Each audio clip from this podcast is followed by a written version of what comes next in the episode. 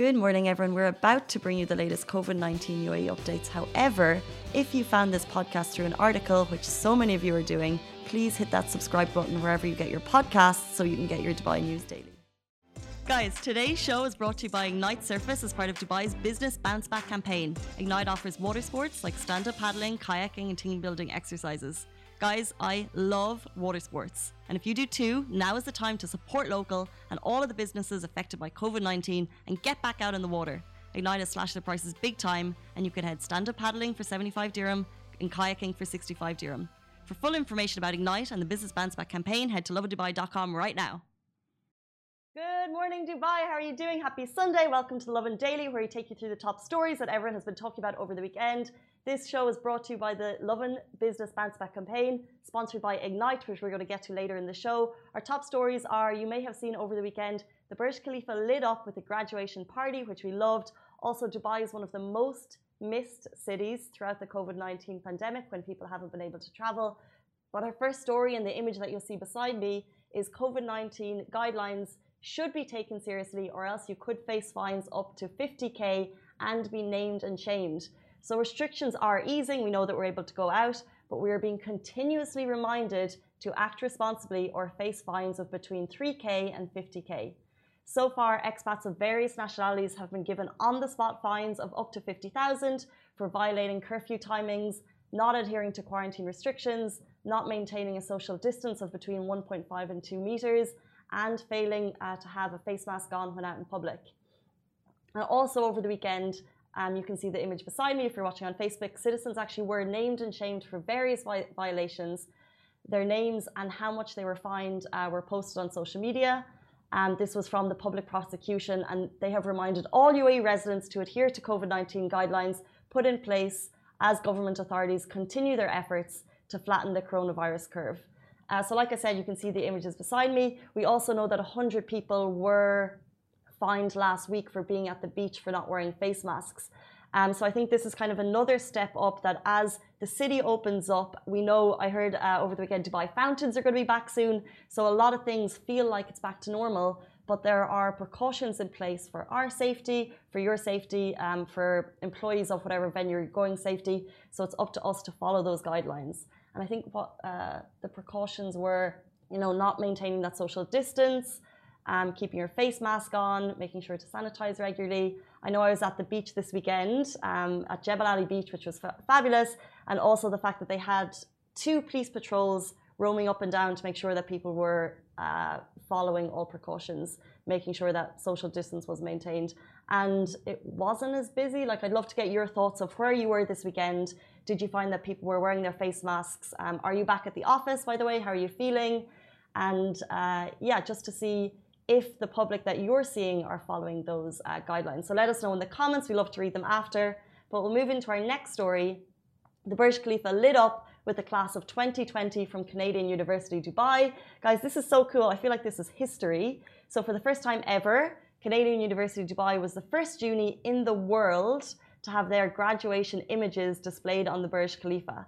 So, and as well as that, His, Excellency, uh, His Excellency Sheikh Nahyan Mubarak Al Nahyan, Minister of Tolerance, gave a speech at the virtual ceremony, which was live streamed on YouTube and Facebook.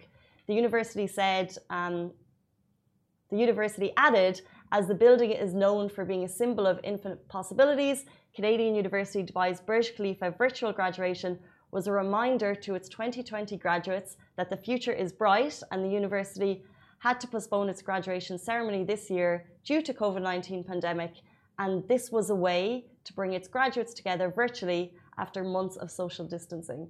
I think this is so amazing. If you've been kind of looking forward to your graduation, it wasn't going to be the same. And then the fact that the university managed to get all of their pictures up on it. Like, how amazing is this? I was just speaking to Richie earlier.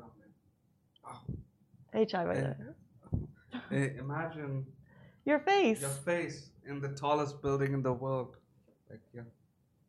Yeah, shout out to exactly. Chai's I'm- just like yes, shout Yeah. out to the university for making that happen. I think this is just we know that it's a very difficult time, especially for graduates, because they had probably expecting to go on to university. They probably may have had a path for the next year. Let's face it, probably not the next five years, but the next year or two was planned out for them.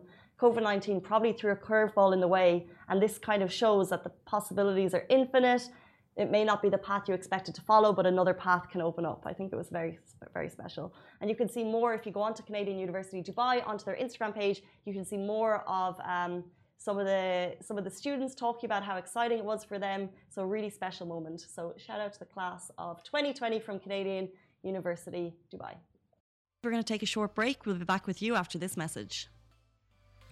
Help us to support businesses affected by COVID 19 through our Lovin Business Bounce Back campaign and share your favourite businesses with us at hello at lovindubai.com or DM us on our Lovin channels, Facebook, Insta, or Twitter. We'll move on to our final story.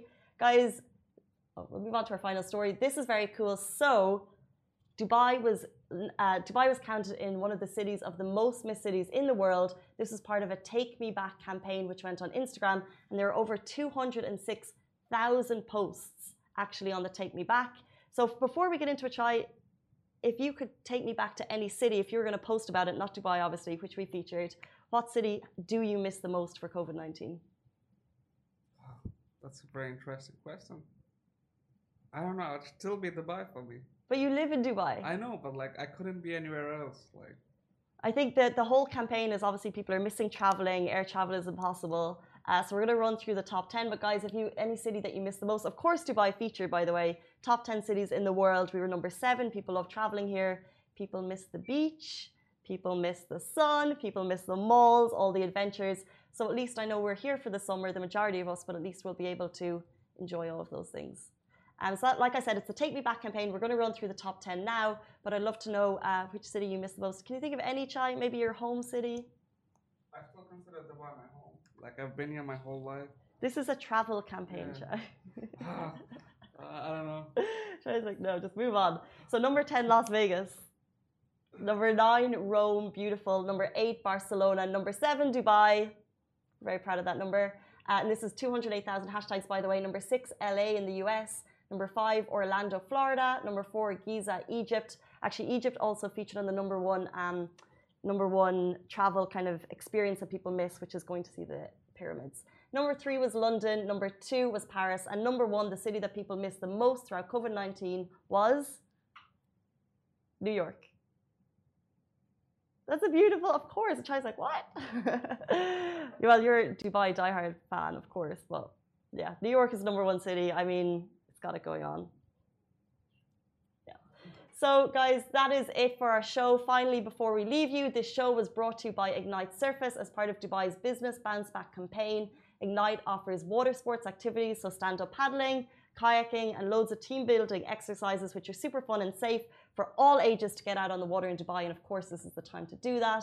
Now that restrictions have eased, Ignite have slashed their prices big time. So you can actually head uh, stand up paddling for 75 dirham. You can go kayaking for 65 dirham. But for full information about Ignite and the Business Bounce Back campaign, see lovindubai.com for more information. Guys, those are top stories. We'll be back with you tomorrow morning, same time, same place. Have a great day. Wash your hands and stay safe. Bye. Guys, that is a wrap for the Lovin Daily. We are back same time, same place every weekday morning. And of course, don't miss the Lovin Show every Tuesday where I chat with Dubai personalities. Don't forget to hit that subscribe button and have a great day.